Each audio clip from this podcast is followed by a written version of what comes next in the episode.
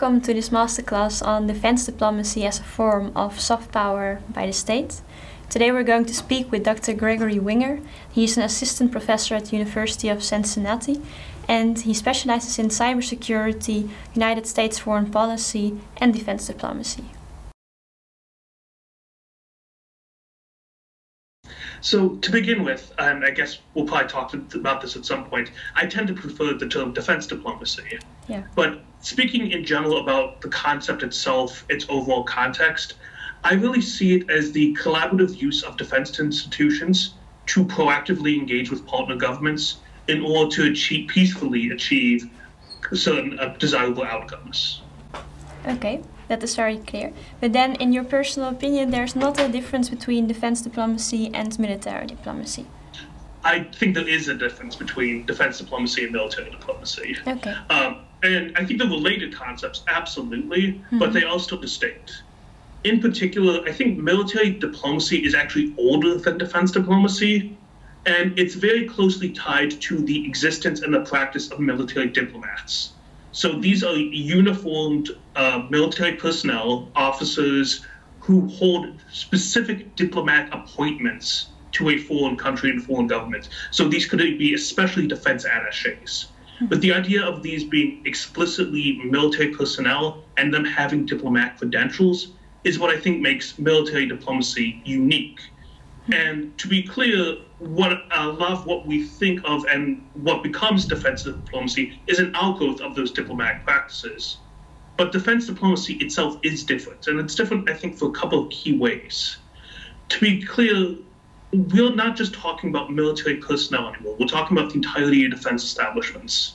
We're talking about civil servants. We're talking about people who might be in law enforcement and the intelligence community, but people who are still involved in national defense but not necessarily within the military. So I think that's an acknowledgement, and that makes defense diplomacy unique. On top of that, it's also about the forms of engagement that are happening. Mm-hmm. It's about, yes, the international interactions still happens, but how they happen. Is it through things like education, exchanges? Is it through like exercises, mm-hmm. uh, summits? Some of that falls within the traditional diplomatic practices, but also some of that's more unique. And that's again why I prefer that entire defense diplomacy narrative. It better captures the institutions involved, mm-hmm. better captures the people involved, and ultimately, I think it better reflects the trials and difficulties that it's supposed to encompass in terms of these whole of government engagements or whole government processes. And would you then, because I hear that you are distinguishing uh, between the actors within uh, military diplomacy and defense diplomacy, but would you also say there might be differences in the activities that these actors pursue when they engage in military diplomacy or uh, defense diplomacy? I think so. And I think some of this also comes down to what's the intent behind individual activities. Is the intent security force assistance? So, for example, are you engaging with a partner government to enhance their own military capabilities? Versus is this something about more shaping policy, shaping narratives? Both of those, I think, can kind of fall with under defense diplomacy issues. But with, say, for example, defense attaches, where the goal is principally to serve your own home government by providing information and insights into a foreign government or foreign government's defense institutions, that's probably something else. That's more traditional diplomacy or even traditional civil service, government service. That is very clear. Thank you very much for this elaborative answer. I'm not sure if that's very clear, but I appreciate the optimism. so, do you believe that military diplomacy can be practiced by uh, military personnel on different levels? Or do you, for instance, think that um, solely high level military officials are engaging in military diplomacy? Yeah, absolutely. It should be all levels. Absolutely. Because this is one of the things that's interesting and important about defense diplomacy and military diplomacy is the time horizons involved. If you're looking to employ defense diplomacy or military diplomacy to, say, resolve the Ukraine war as it's happening, it's probably not going to work out so well. But if you're talking about trying to build up defensive partnerships between allied countries to establish networks of partnerships and interpersonal relationships between countries and defense establishments, that takes months, years, decades, and that occurs at every single level of the defense establishments. Yeah. So, admittedly, the people at the senior levels, yeah, they have the most influence and so have the most control over immediate policy outcomes and policy debates. And so, if your specific focus is on a individual, momentary, temporary, something happening now or in the near future, it might make sense strategically to prioritize exchanges at senior levels. Mm-hmm. However, up and down the entire ranks of military diplomacy, from senior officers to junior officers, non commissioned officers, even enlisted individuals, I think all of them could benefit from defense diplomacy. Because, one, it helps gain experience in an international environment, it helps build transnational networks, it helps facilitate intergovernmental communications, understanding, the practical benefits of cooperation. So, for example, in say disaster response, mm-hmm. let's say I, I, do a lot of work with the U.S. Philippine Relation Alliance, and the presence of cooperation and partnership at junior officer levels has been incredibly effective at responding to typhoons and hurricanes and natural disasters because these people know each other, they get along, they've met previously, and when something bad happens, they trust each other and coordinate. That's a practical level benefit of junior level cooperation. And there's also the larger time horizons of what you can accomplish through military diplomacy through these exchanges specifically junior officers tend to become senior officers. Mm-hmm. And so if you can engage with a junior officer to educate them, to engage with them, to incorporate them in the community of practice, and to invest in that relationship when they're a lieutenant or a captain, well, what happens when they're a colonel or a general or an admiral? You've already established those links. You've had decades of experiences, and those benefits of intergovernment communications of soft power can continue to pay off for decades in a way a lot of other military investments can't. So not only should junior officers be included within military diplomacy, I'd actively encourage it as a strategic long-term investment in these relationships. And it is exactly those this long-term investment that uh, we also believe is very important. And do you then also believe that um, military diplomacy and or defense diplomacy uh, can be used as a tool, for instance, um, to help prevent conflicts in the long term or the short term?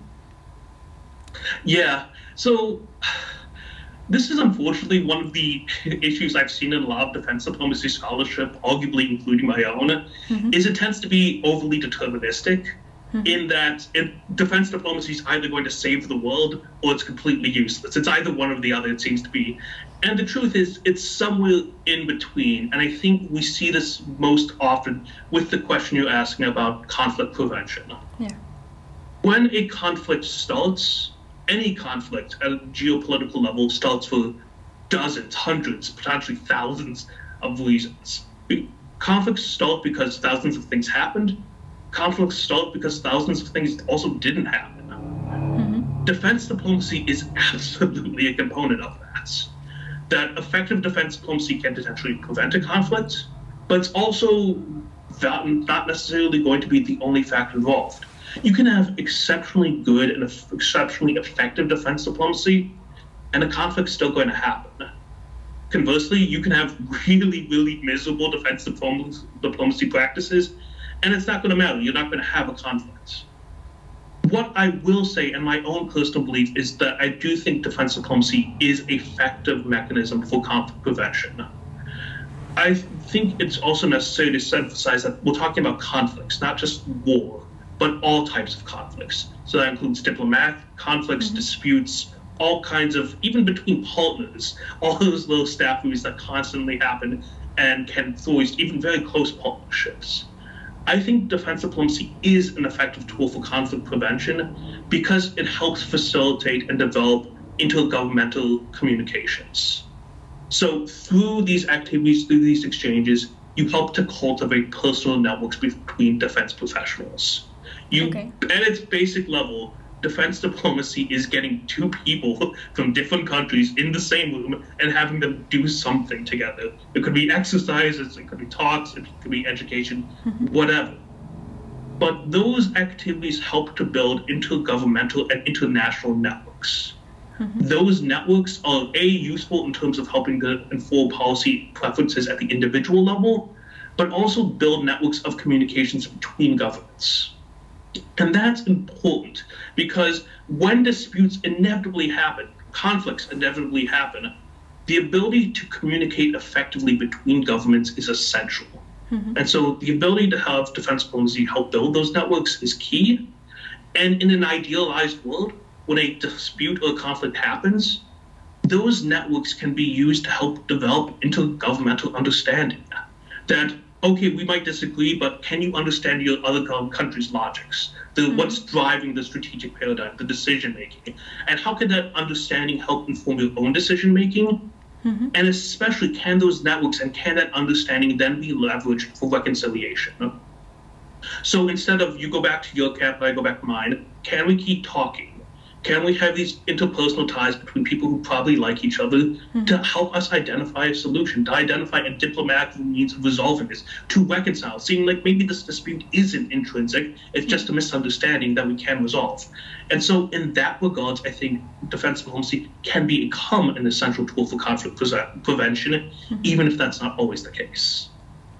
Oh, and that is very understandable. But then, how do you think that military diplomacy and or defense diplomacy can then complement uh, the regular diplomacy as practiced by the officers uh, working at the Ministry of Foreign Affairs of a state? Um, I'm curious what you mean by that. I'm, like, could you expand on that a little bit? Because uh, military diplomacy, as for instance, uh, public diplomacy or economic diplomacy, is uh, quite often seen as complement complementary uh, to the regu regular diplomacy as practiced by a state. Do you also believe that um, military diplomacy and or defense diplomacy uh, should be seen as complementary to the regular diplomatic practice uh, of a state, or do you think that perhaps, um, yeah, it, it should be seen as uh, two more separate kind of concepts from each other, or what? Yeah, I think it is a related and complementary concept. Mm -hmm. um, this requires coordination, a lot of coordination within a government to make sure that they're actually complementary. Uh, I've seen lots of instances where they're not, uh, especially in the United States. Uh, the State Department and the Defense Department don't always work together as well as they probably should. Yeah. But they, I think, in terms of, they have the same objective, right? Mm-hmm. The goal is how do you get your government to proactively engage with a foreign government and shape the decision making processes either through public engagement, through government engagement, through incentives. And so defense diplomacy is part of that. Hmm. In particular, it takes different types of actors and how do you get them to talk to each other. So, for example, the State Department is probably very adept at talking to the Ministry of Foreign Affairs, of engaging with them, having those networks, and, and being able to access those levels of influence within a foreign government, within that diplomatic community. Mm-hmm. But what about the defense establishment? What about the military establishment? They very much still have a role in policy making. And if you expect, say, the State Department or the Ministry of Foreign Affairs to take the lead in engaging in a foreign military, mm-hmm. that's probably not going to be as successful. And that's where defense diplomacy comes in because it brings in similar actors to engage with each other. And so, absolutely, you need to coordinate those, but they should be ideally be complementary lines of effort to achieve the same goal. Yeah. Well, I personally would fully agree with that view, but um, yeah, of course, there are also other views. um, yeah. But uh, in your work, you also uh, describe defense diplomacy as um, a mean of soft, of soft power by the state. Would it mm-hmm. perhaps be uh, possible for you to elaborate on this? Yeah. So this is big picture stuff. It's like, what is the goal of power and statecraft and influence in world affairs? Mm-hmm. And at a basic level, the goal of foreign policy is to try a advance your country's interests, mm-hmm. but how do you do that? And in particular, how do you shape um, the decision-making process, the policy preferences of a foreign country, adversary, allied, neutral, whoever? The goal is how can you advance your own interests by shaping their processes to reflect what you want them to? Mm-hmm. And that's basically the challenge of international relations and the basis of power. And so here's where Joseph Nye's works are really important because as complicated as foreign relations are, there are only a certain number of mechanisms of how you can actually change someone else's opinion, change someone else's mind. You can threaten them, that's good old hard power, that's coercion. Do what I want, or else we're going to punish you. That could be military force, but that also can be sanctions. That's coercion. It's using fear and pain to shape decision making. You can incentivize someone. This is economic power of we will reward you. If you do what we want, we'll give you aid, we'll give you access, we'll give you trade agreements. Uh, even within the defense community, we'll extend defensive commitments, we'll help supply you, we'll give you different arms systems if you do the things we want. Mm-hmm. But this is also where soft power comes into it, because soft power is like this third avenue of influence. And it's the power of the ideas.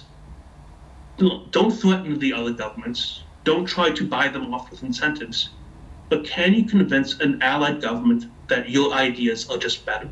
That what you want, your practices, your behavior, your preferences are actually the right way to do things? And where I think defense diplomacy comes into it is how the military can practice soft power. We're familiar with this in some civil um, civilian contexts. For example, study abroad is a massive tool of soft power. The ability to bring over undergraduate students from around the world to your country, have them absorb the culture, the language, the affairs, to learn about that government, and then have those and take those ideas, those experiences back with them, how that shapes their lives, their views, everything, what they learn about the world. Well, defense diplomacy could work the exact same way. By bringing military officials, defense officials together from different countries, by introducing them to new educational perspectives, to new experiences, to new interpersonal relationships, can you build those interpersonal relationships? Can you shape those individual worldviews in such a way that actually helps you export your own ideas to convince other people that the way you do things is the right way, that your own values are the right values, are strengths, and then to have them take those ideas, those concepts back from the training exercises, back from the educational exchanges to their home countries, to their home governments, and to then start building those out in their own countries and to shape their own country's policies and preferences. And this is a process called state socialization because it's not just about exporting the ideas, but helping to reform how a government's own preferences shape mm-hmm. to bring them more in line with a international consensus or even a national consensus. And again, I think defense diplomacy is a key element of it as a tool of soft power to build those networks, to help facilitate communications, and then to then export those ideas and lead to this incorporation. And lastly, I just add, it's not just about the contents. It's not just about coming and sitting around in classrooms. It's not just about joint training exercises for the sake of military exchanges. It's about the personal aspects of it as well. It's about going out for drinks afterwards. It's about actually building these cooperative networks at a human level and then having those experiences shape individuals and ultimately shape government preferences. Okay. And you uh, you you first you also described um, how state socialization uh, takes place. Could you perhaps also illustrate this with an example of how the United States is pursuing this strategy? Hmm. So, yes and no, because okay. it's kind of a catch-all kind of thing. In an idealized context, an illustration of how this does, I'll go back to the U.S.-Philippine relationship because yeah. that's the one I work most, well, I've done most of my research most closely, and specifically the global war on terrorism as it happened in the Philippines. What's interesting about the US Philippine relationship is it's a very, very close defensive partnership mm-hmm. that's juxtaposed an extremely complicated political relationship. Um, there's a lot of lingering political issues dealing with American colonial occupation, American imperialism in the Philippines. There's a lot of lingering resentment over past American interference in the Philippines. And you see this a lot in Philippine nationalism, Philippine political rhetoric, and even how you have this extremely close relationship that is very, very complicated by this history of, again, colonialism and imperialism. And we saw that at the end of the Cold War, the United States used to have massive military bases in the Philippines that will eventually close because it was deemed that it's time for the Philippines to declare itself finally independence.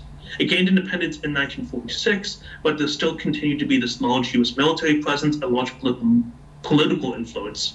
And so after the People Power Revolution, it was deemed that it was time for the U.S. military to finally leave the Philippines. Mm-hmm. And that was important, but that also flat, risked fracturing this political alliance, this military alliance. And what really saved the US Philippine alliance was this defense relationship. Specifically, the Philippine defense community is closely tied to the United States. The United States helped develop the institutions, helped develop the education systems. There's a huge number of exchanges, a huge number of defense exercises. And throughout the 1990s, after the bases closed, there was this question of okay, now what is the future of the Philippine military? What's the future of Philippine national security? And what eventually helps bring them back was the Philippine defense establishment saying, we need the alliance. We need the alliance not just as a piece of paper, but as a living entity, as a living organization. So, uh, specifically, President Fidel Ramos, who himself attended West Point in the United States, the U.S. Army Academy, was the president and says we need to develop these tools mechanisms. We need to revitalize defense diplomacy. And so that led to the Visiting Forces Agreement, which helped to re- which helped become a diplomatic and legal framework for continued defense engagements. And then, after the September 11th attacks happened, the Philippines was prioritized as a major source of international terrorism by the Bush administration. And there was a significant desire to launch U.S. military operations with the Philippines, not, not debating, mm-hmm. but specifically to target Al Qaeda affiliates in the southern Philippines and in Mindanao. And that was politically nonviolent. The idea of U.S. servicemen going to the Philippines to engage in combat operations was just a diplomatic and political non starter in Manila. But the defense establishment was able to come together using these networks, using this understanding to identify a solution and to lead to a kind of combined joint operation where the Philippines took the lead in the defense aspects, but the United States provided significant training and support capabilities to help support them. And so that's a situation where none of that happens. None of that happens without the decades of defense diplomacy that go back to the early 1900s that help build up these processes, that help acclimate the Philippine government and to reconcile these political and military necessities. And so we could argue that the relationship between uh, the United States and the Philippines has uh, drastically changed in the last uh, centuries, and that the common perception of certain ideas uh, and intentions have also changed via the use of defense diplomacy. And Absolutely. Yeah, and um, for instance, uh, if there might be a case um, where it would be less likely for involved uh, defense officials or military officials to uh, share a common sense of identity because the foreign policy of these uh, the foreign policy interests of these states might uh, differ a lot from each other. Um, yeah. Would you then still argue that state socialization via uh, defense diplomacy would be a possibility? And if so, um, could you perhaps illustrate that with an example? Yeah, so I think this is a really important question, and actually something that can be missed about defense diplomacy, mm-hmm. in that we're talking about opportunities, we're talking about influence, we're not necessarily talking about outcomes. And so, for example, if you engage in a defense diplomacy or military diplomacy activity, so for example, you go abroad to attend a defense academy or a training summit, that doesn't override personal identities. You're still mm-hmm. you. You're not a pod person, and it doesn't override national interests or national histories. There's still these ingrained preferences. Like no, the the basis the basis still exists. The question is influence. How are you able to shape it, and how can defense diplomacy help temper, help provide mechanisms to cool that?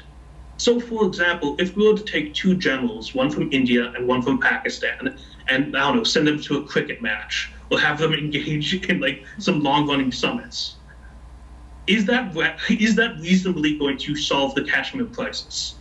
Probably not. No. But that's also an overly deterministic outcome. Mm-hmm. What the question is is, a what's the actual harm in doing that? And this is where I think there's a major benefit for defense diplomacy is what's the downside? What are the genuine risks or costs of, of involved with conducting defense diplomacy? And generally speaking, they do exist. There are all financial costs, yeah. there are time costs, there are institutional costs. But also misperceptions, can, perhaps. Misperceptions, exactly. Yeah.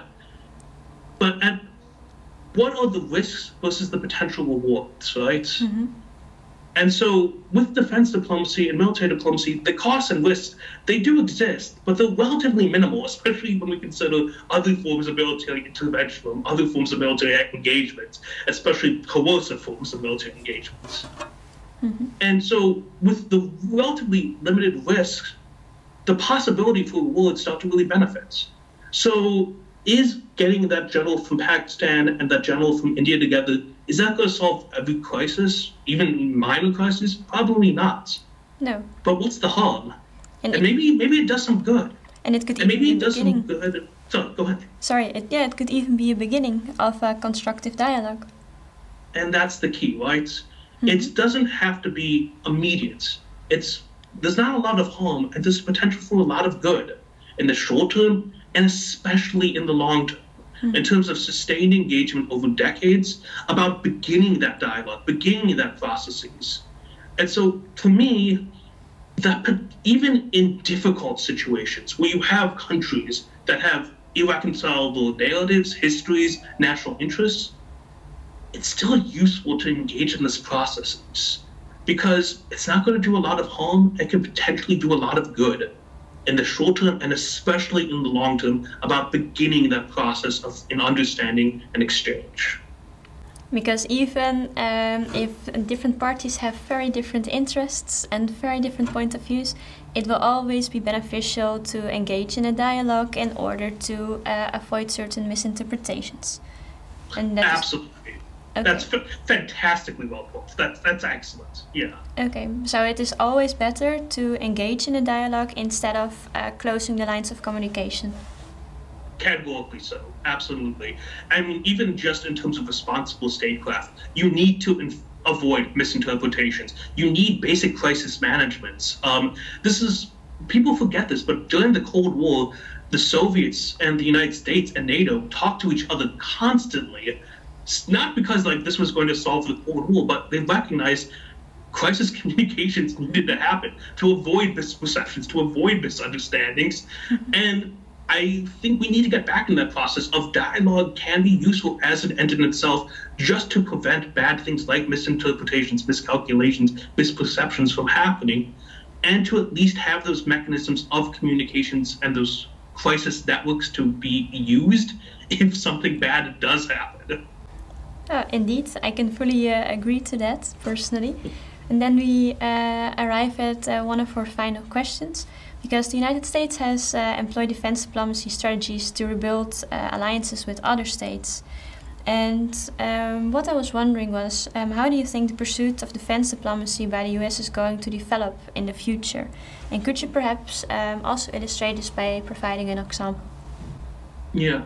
So one of the things that's interesting with the United States is we've seen a recent expansion of focus on defense engagements, mm-hmm. uh, specifically cooperative defense engagements.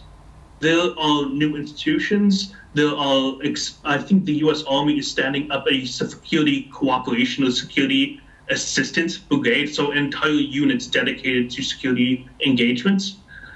What I think the United States needs to focus more on is what extent are they focusing on security force assistance, which is developing partner military capabilities, and which I'm not as comfortable saying is defense diplomacy, versus actual policy engagement and sustaining and again emphasizing policy and institutional development with partner states. And so we've seen a lot more focus on the security force assistance side and less so on the policy engagement side especially with recent trends in isolationism in the United States and with COVID shutting down international relations, a lot of defense diplomacy active activities have been calmed through the Trump administration through COVID, and getting those up and running again, rebuilding those processes and relearning them and committing them is essential. And that's something at a point where I'd like to see more U.S. engagements. I think the revitalization of NATO as a response to the Ukraine war is a key aspect to that. But where I'd also emphasize and where I think a lot of the US efforts will be focusing on is emerging security areas, specifically cybersecurity. Cybersecurity cannot be addressed in isolation. We live in a globally interconnected environment. The internet is a global phenomenon, and cybersecurity is a global phenomenon. And as much as this is a national security space, as much as this is a national defense space, it requires international engagement to build norms and practices of cooperation in cybersecurity. And that's really, really hard because to date, a lot of cybersecurity practices are built on not trusting anybody. It's why we don't share passwords with anyone. It's why we don't allow uninvented people into our networks. So, how do you, given that extremely low trust environments at the international level, at the public private level, how do you build international cooperation in cyberspace? How do you learn to trust partners? How do you start building these norms of information sharing and cooperation that are essential to our outcomes? And that answers defense diplomacy. You have to start building at those lower levels of education, of practices, of building person to person trust that could lead to institutional trust that could start building international norms of cooperation. NATO has taken the lead with this through the center in Tallinn in Estonia uh, about trying to build up exercises, and it's something the United States is embracing more of. Um, so, so, for example, Cyber Command, U.S. Cyber Command is working much closer with some of its partners, especially in NATO and in Central Eastern Europe, in things called Hunt Forward missions, and using those processes to build norms of security cooperation and policy diffusion need to go forward, and they're entirely going to be predicated on defense diplomacy. So I'm excited about it. Hopefully, we see more of that, and hopefully, again, cyber is the leader just because like that's the big thing right now. But it's also looking at other forms of non-traditional security cooperation as well. About what other areas can we start building and facilitating issues of cooperation in terms of law, environmental security, international health, absolutely. Mm-hmm. And so, again, I think defense diplomacy is part of it. We're starting to see some investment in it, and just hopefully keeps going forward. And with that remark, uh, we have come to the end of this masterclass. That's lovely. Thank you very much again. Thank you for all of this, and it's been a pleasure to speak with you. Thank you very much for watching this masterclass. We hope that this deepens your understanding of how defense diplomacy can be used as a form of soft power by the state.